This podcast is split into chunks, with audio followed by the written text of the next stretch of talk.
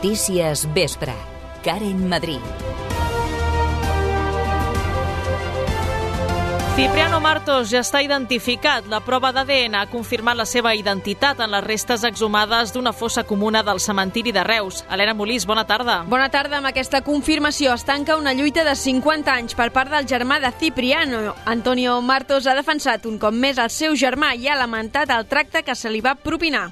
Él no había hecho ninguna muerte como tantas de los, dictadores habían hecho, ni había usado ningún arma.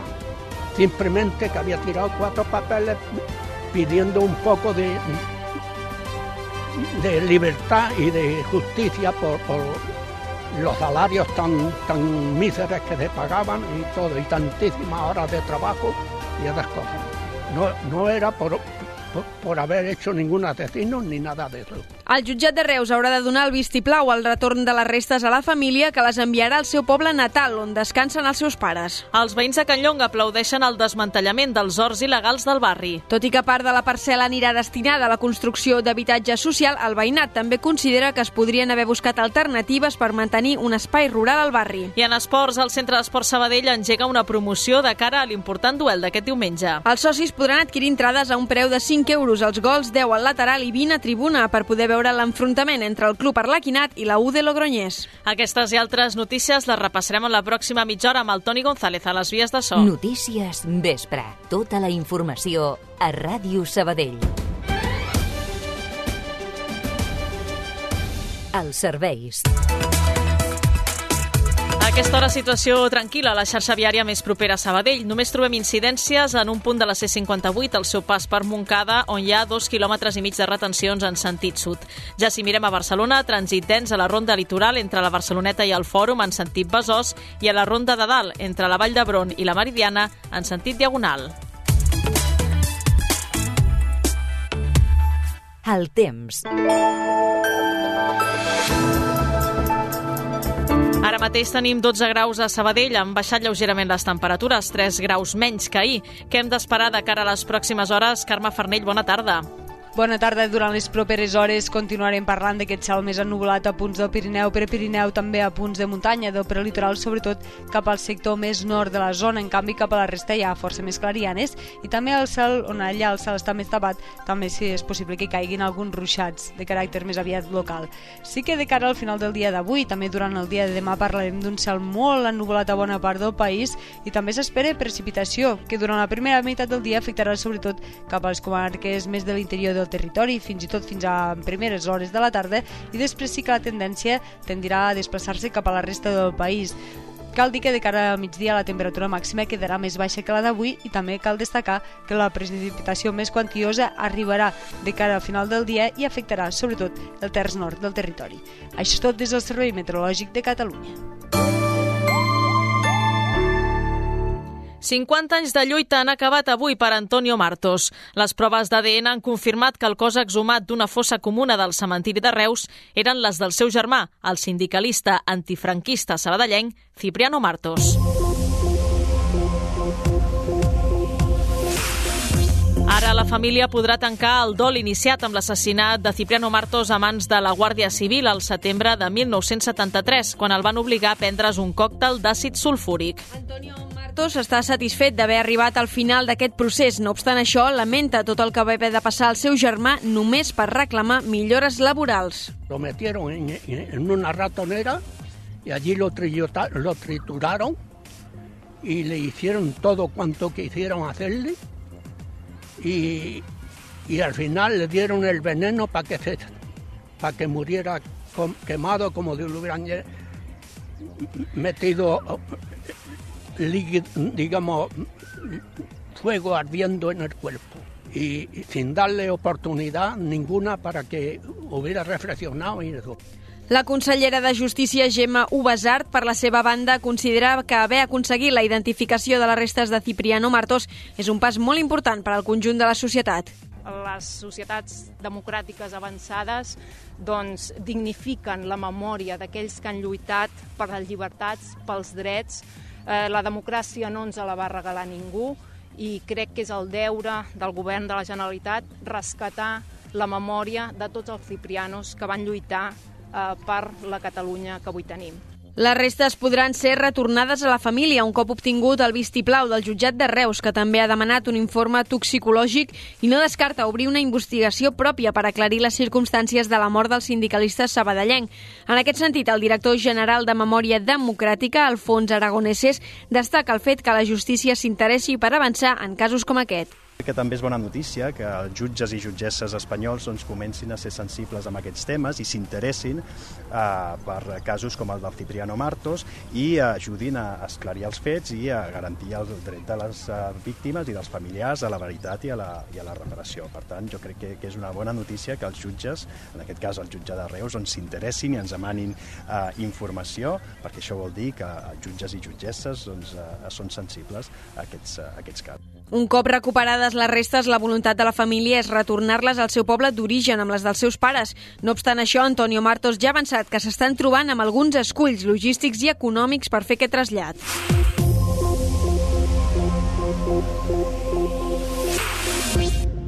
En successos, la policia ha detingut el pare de dues germanes assassinades al Pakistan per la seva relació amb els fets. Les joves de 21 i 24 anys vivien a Terrassa i van rebutjar casaments pactats. Júlia Ramon, bona tarda. Bona tarda. Els fets haurien ocorregut al maig del 2022 en un viatge al Pakistan i ara la investigació pretén esbrinar si el pare de les joves va participar en el complot per enviar-les al seu país d'origen, on van acabar assassinades a mans de familiars després de rebutjar els casaments forçats amb els seus cosins. La policia ha detingut l'home aquest dijous, després d'escorcollar el seu domicili al barri de Sant Pere Nord, a Terrassa. Ràdio Sabadell. Notícies. Cada cop més persones trien Sabadell per comprar un habitatge, ja sigui nou o de segona mà. Així ho han constatat els agents immobiliaris de Catalunya, que afirmen que la ciutat ofereix una bona oferta a preus molt més assequibles que en municipis de l'entorn com Barcelona o Sant Cugat. Segons dades dels APIs, Sabadell ha tancat el 2022 amb un augment de les vendes d'habitatges de gairebé el 17%, una pujada que s'explica per una contenció dels preus respecte d'altres poblacions. La ciutat ha tancat l'exercici amb un increment dels preus a l'entorn del 7%, amb el metre quadrat quadrat situat als 2.300 euros de mitjana. Josep Marín, delegat dels APIs a la zona del Vallès Occidental Sud i gerent d'Excess Sabadell Centre, ha dit que tot plegat està fent que cada cop hi hagi més compradors interessats per instal·lar-se a la ciutat de forma permanent. De la capital s'ha expulsat moltíssima població, donat que no hi ha gaire oferta i els preus estan molt prohibitius a la capital, i altres ciutats també, doncs, com Sant Cugat, que també doncs, està amb una cresta de preus molt elevada, doncs també està doncs, eh, bombejant famílies i, i persones doncs, que a Sabadell, que tenim una oferta d'habitatge nou i de segona mà de molta qualitat i amb uns preus molt més baixos i econòmics en aquestes àrees. Les zones on s'han venut més habitatges el 2022 són el centre i els barris adjacents, com la Creu Alta, l'Eixample, Covadonga, Gràcia i també el sector Eix Macià.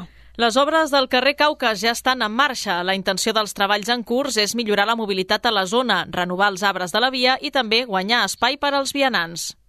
Aquesta setmana s'han reprès les tasques d'urbanització d'aquesta zona a cavall entre Can Noriac i la Plana del Pintor.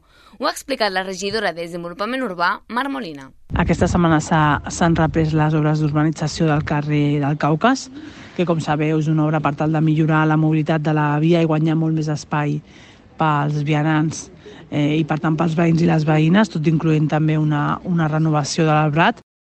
La reactivació arriba després que l'Ajuntament de Sabadell gestionés la incorporació d'una nova empresa contractista quan la primera adjudicatària va renunciar a portar a terme els treballs. Els pollancres actuals se substitueixen per 37 arbres nous.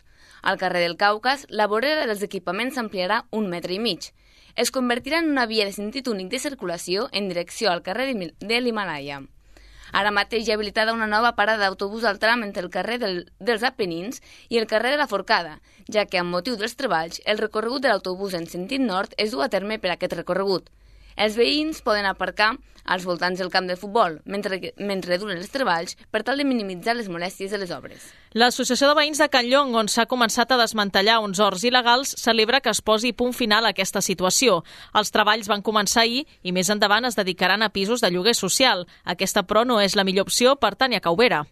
Mm, sí, la presidenta de l'Associació de Veïns de Can Llong, Tania Caubera, celebra d'una banda que s'enderroquin les barraques que hi ha en aquests terrenys, però de l'altra apunta que es podria haver buscat una alternativa per preservar aquest espai més rural del barri.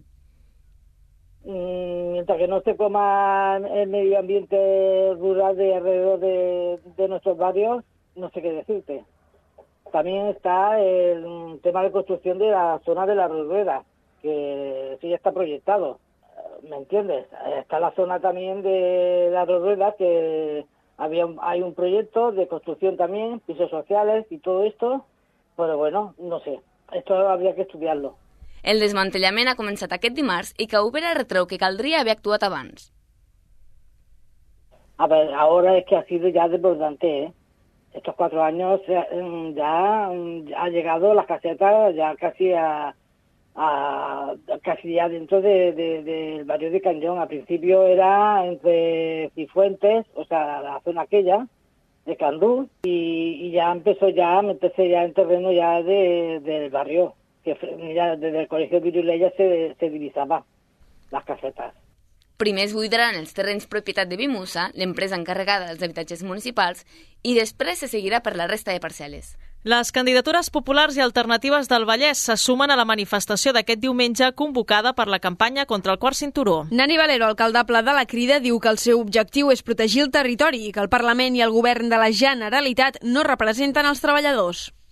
Davant d'un Parlament i un govern que no representen els interessos de la gent treballadora d'aquest país, nosaltres seguirem empenyent, seguirem construint juntament amb la resta d'espais organitzats, doncs, una oposició des dels carrers de cada vila a aquest model de país de l'Estat i de la patronal que, que, que ens tenen reservat. Per Valero, el model alternatiu és fer habitatge, enfrontar-se a les màfies energètiques o apostar pel transport públic, fent arribar el tren a Castellà i connectant amb el Vallès Oriental. A més, l'ANC de Sabadell també ha anunciat que participarà a la manifestació de diumenge. Ràdio Sabadell. Notícies. El CAP Sant Fèlix seguirà sent el centre mèdic de referència a l'hora de practicar avortaments voluntaris.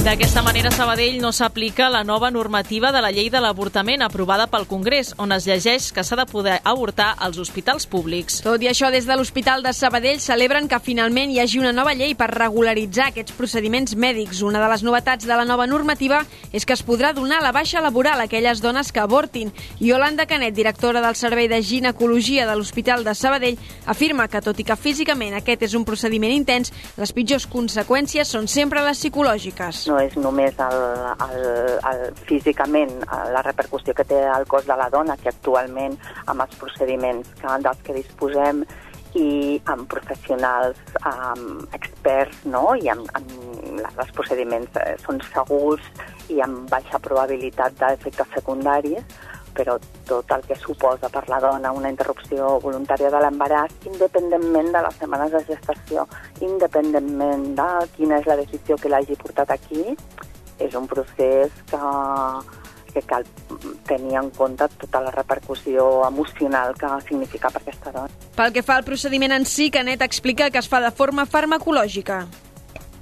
L'avortament aquestes setmanes contempla que es pugui realitzar de forma farmacològica, és a dir, que es dona un, un tipus de fàrmac, en realitat s'estan donant uh, dos tipus de fàrmac, el, el primer que es dona i a les 48-36 hores es dona el segon, i majoritàriament en el protocol actual contempla fins a la setmana 10 de gestació, aquest tractament es pot fer de forma ambulatòria, és a dir, que la dona ho pot fer a casa seva, en, en el seu entorn. A partir de les 10 setmanes sí que es recomana que, que hagi de ser en un, en un centre uh, hospitalari. La doctora també ha explicat que aquests procediments tenen un percentatge d'èxit molt elevat en el cas que quedin seqüeles, però Canet també ha afirmat que s'estan innovant amb tècniques menys invasives.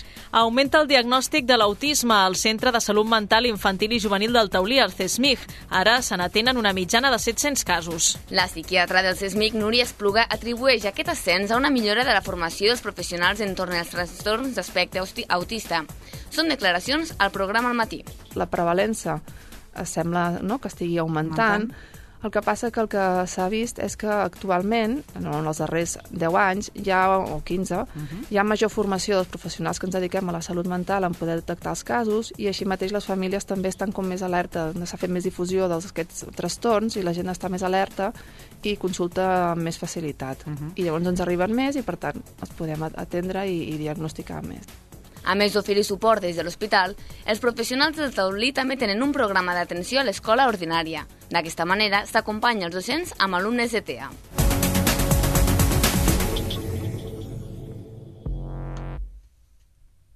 Ràdio Sabadell. Notícies vespre. Protagonisme per la fotografia, la dona en l'art i la moda en la nova temporada dels museus de la ciutat.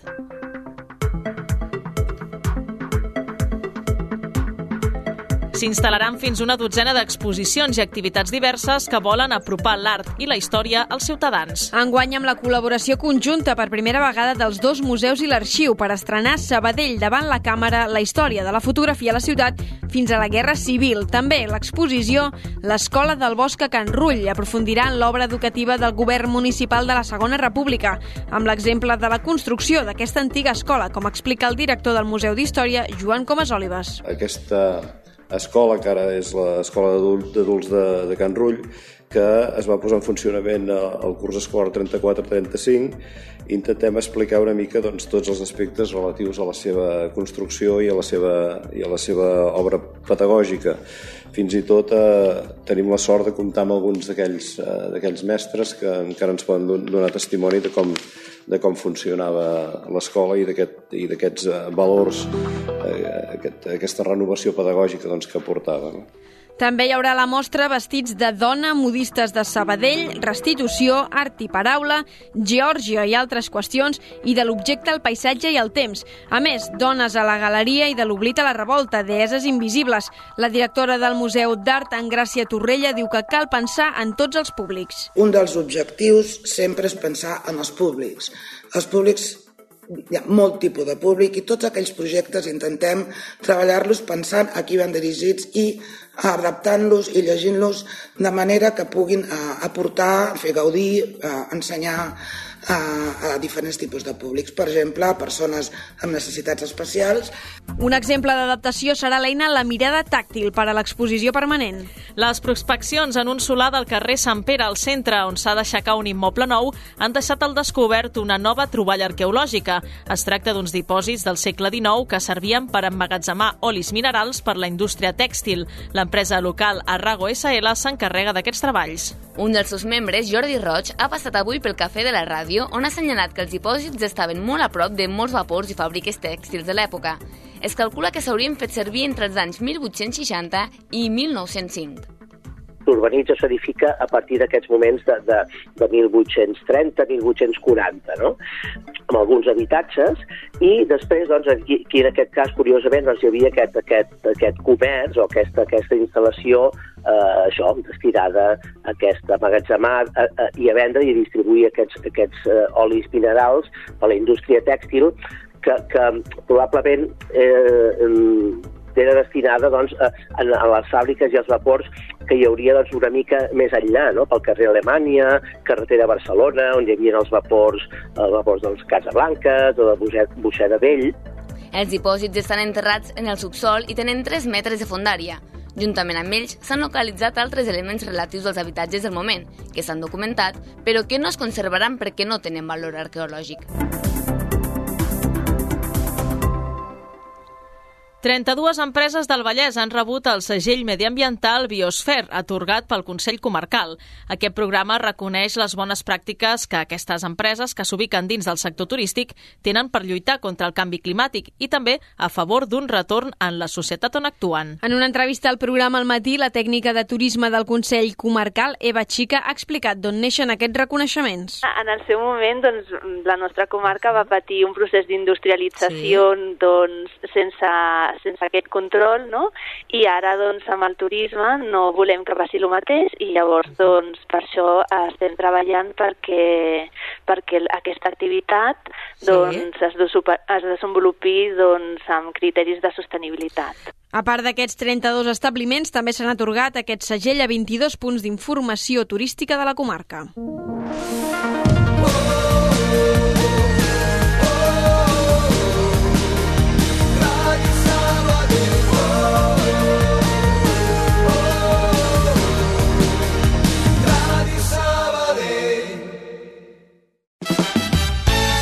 Amunt al taló. Sis temporades i més de 200 programes parlant de la passió de molts sabadellencs i sabadellenques al teatre, a través de les zones de Ràdio Sabadell. Tot allò que passa als escenaris de la nostra ciutat i de més enllà. Entrevistes, radioteatre, recomanacions teatrals, reportatges, cinema, musicals i molt més. Amunt al taló, cada dimecres de 9 a 10 del vespre a Ràdio Sabadell. Escolteu-nos en streaming entrant al web de la ràdio o bé al nostre podcast de Spotify i segueix-nos a les xarxes a Instagram i a Facebook. Amunt al taló, amb el suport de l'Estat. Amunt al taló. Agafa l'autobús. Viatja amb l'Atus. Trajectes més ràpids i directes, més connexions entre barris, nous horaris per afavorir l'intercanvi entre línies. Estalvia temps. Estalvia diners. Agafa l'autobús. TUS, Transports Urbans de Sabadell. Ràdio Sabadell. Notícies vespre. Fora de Sabadell i la comarca. Els Mossos d'Esquadra apunten al suïcidi com a principal hipòtesi en el cas de les dues bessones de 12 anys que es van precipitar ahir des d'un tercer pis a Sallent, al Bages. Una ha mort i l'altra ha quedat ferida greu, però està estable. La investigació no ha trobat cap indici de criminalitat en els fets i l'Institut descarta que les nenes patissin assetjament escolar o bullying. Tot i això, sí que rebien atenció psicològica i social. Els Mossos d'Esquadra mantenen la hipòtesi del suïcidi per les dues cartes manuscrites de les nenes que han trobat. Quatre detinguts per una agressió sexual en un habitatge de Sitges durant el Carnaval. Els Mossos d'Esquadra han detingut quatre homes a qui investiguen per una agressió sexual la matinada d'aquest dimecres a Sitges. Els fets haurien passat a l'interior d'un habitatge i hauria estat la mateixa dona que hauria alertat la policia, que en aquell moment feia el desplegament de seguretat per Carnaval. La gala dels Premis Grammy Llatins se celebrarà a Andalusia. És la primera vegada que la cerimònia se celebra fora d'Estats Units i tot apunta que la ciutat escollida serà Sevilla. Així ho ha anunciat aquest dimecres el president de la Junta d'Andalusia, Juanma Moreno, després de reunir-se amb el CEO de l'Acadèmia Llatina de Gravació. La gala se celebrarà al novembre i previsiblement es farà a Sevilla. I Espanya enviarà sis tancs Leopard a Ucraïna en les pròximes setmanes. Ho ha anunciat la ministra de Defensa Margarita Robles a dos dies del primer aniversari del conflicte. Tot plegat el dia en què Joe Biden també ha reafirmat el seu suport a Kiev i assegura que Ucraïna mai serà una victòria per a Rússia. Robles no tanca la porta a incrementar el nombre d'efectius, mentre que Biden ja avança que s'aprovaran més sancions contra Rússia. Esports.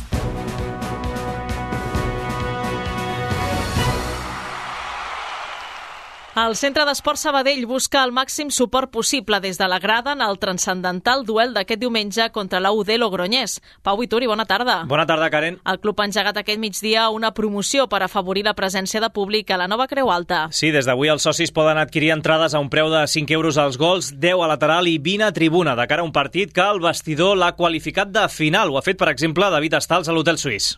Llevamos tiempo que no queríamos decir que cada partido es una final, pero al final Hoy hemos hablado y ya ha quedado claro que lo de este domingo es una final y que hay que ganar sí o sí. L'atacant del Poble Nou es postula per ocupar la baixa del sancionat Alberto Fernández, a qui li ha caigut un partit per la vermella a Elda. En canvi, n'han estat dos pel tècnic Miqui Lladó a l'espera que el comitè entri d'ofici per les seves polèmiques declaracions. La UDL, per contra, no podrà comptar per acumulació de targetes amb dos defenses, Arregui i Sergio López, però sí que hi serà un futbolista que militava al Sabadell fins fa un mes i mig, Eudal Vergés el Sabadell està en una situació complicada, però nosaltres encara més. Nosaltres estem en una situació que és, és límit i necessitem començar a sumar de 3 en 3 com sigui. Al final hem tret molts empats, però dos empats sumes molt a poc a poc i no, no serveix. Un excompany seu a la defensa, Guillem Molina, serà l'encarregat de compareixer demà en roda de premsa. Es podrà seguir a partir d'un quart de dues a l'Hotel Suís. En ciclisme, demà arrenca Galícia o Gran Camino, una volta de quatre etapes amb la presència conjunta per primera vegada dels dos sabadellencs del circuit UCI, David de la Cruz i Raül Rota. El primer serà el cap de files de l'Astana, després de canviar de plans i no viatjar al Tour dels Emirats, mentre que el segon debutarà a territori espanyol amb el seu nou equip continental, el Radio Popular Paredes Boavista, amb el qual ja ha disputat una una prova a Portugal. En una entrevista a l'hotel suís, Rota ha parlat d'aquesta circumstància de poder coincidir amb De la Cruz. Personalment no el conec, però bueno, sí que des de petit doncs, sempre he escoltat parlar d'ell, no? I, i bueno, doncs aquí Sabadell doncs, actualment és la referència no, al ciclisme i bueno, doncs ojalà que algun dia doncs, coincidim i podem xerrar un rato i prendre un cafè. La primera etapa serà de 188 quilòmetres entre Lugo i Sàrria. La resta transcorreran per les altres tres províncies amb un perfil trencacames i amb una contrarrellotge final a Santiago de Compostela. La sabadellenca Merem Gabriel viurà el seu particular somni americà a partir de setembre. L'atleta de la Joventut Atlètica Sabadell acaba de fitxar per la Universitat de Boston. En una entrevista a l'hotel suís, Gabriel ha confessat que va rebre un bon grapat d'ofertes durant el 2022, però gràcies a l'ajuda del seu cosí, el periodista i caçatalents a l'NBA Albert Robledillo, Rosselló va trobar aquesta oportunitat a Massachusetts, que acostuma a tenir un cost de 5.000 euros per agències. És una gran oportunitat per, que em pot donar en la meva vida atlètica i pues, sempre ho he pensat a estudiar fora, però no estava segura. Però després d'haver trobat uh, aquesta oportunitat vaig, ja sabia que era segur que volia fer això. Abans d'aquesta aventura, l'atleta de la Jazz està centrada en els objectius d'aquesta temporada a casa nostra, com ara el Campionat d'Espanya Indoor Sub-20, que tindrà lloc d'aquí a 10 dies a la pista coberta i on prendrà part de la seva prova predilecta als 3.000 metres llisos.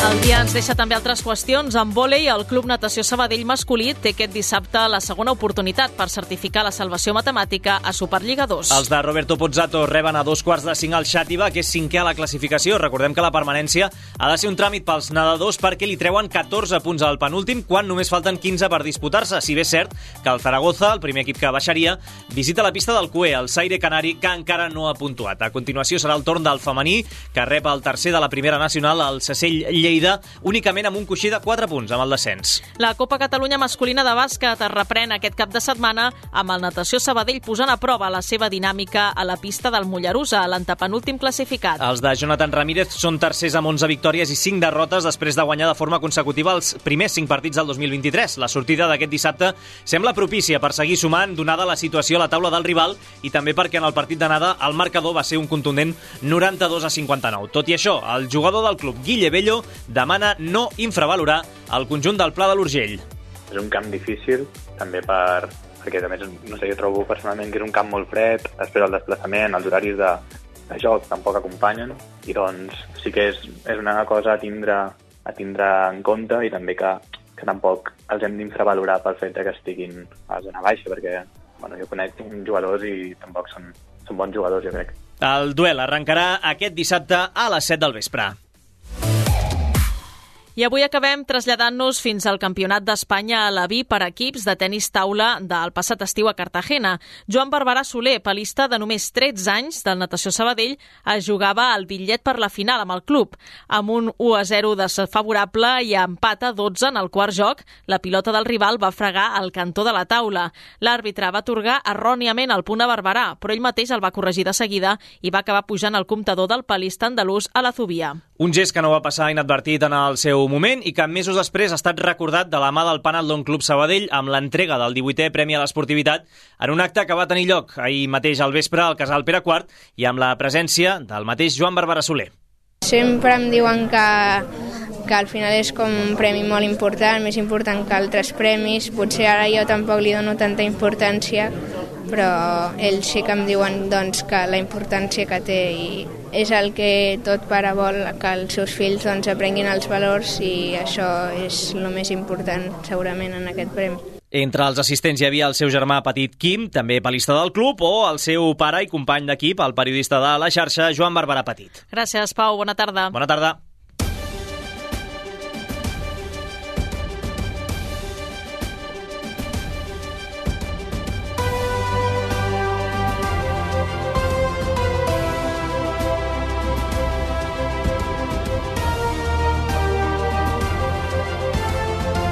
Mig minut per dos quarts de vuit és moment de posar a punt final al Notícies Vespre d'aquest dimecres 22 de febrer. Recordant-vos que tot el que us hem explicat aquesta mitja hora ho podeu trobar ampliat al portal web radiosabadell.fm amb actualitzacions a l'instant a les xarxes socials. Tornem amb més notícies a la 94.6 demà a partir de les 8 amb el Cafè de la Ràdio. Que acabeu de passar un bon dia. Adéu-siau.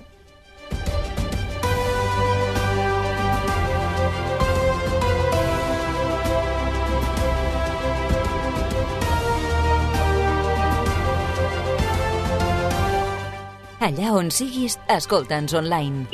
En directe.radiosabadell.fm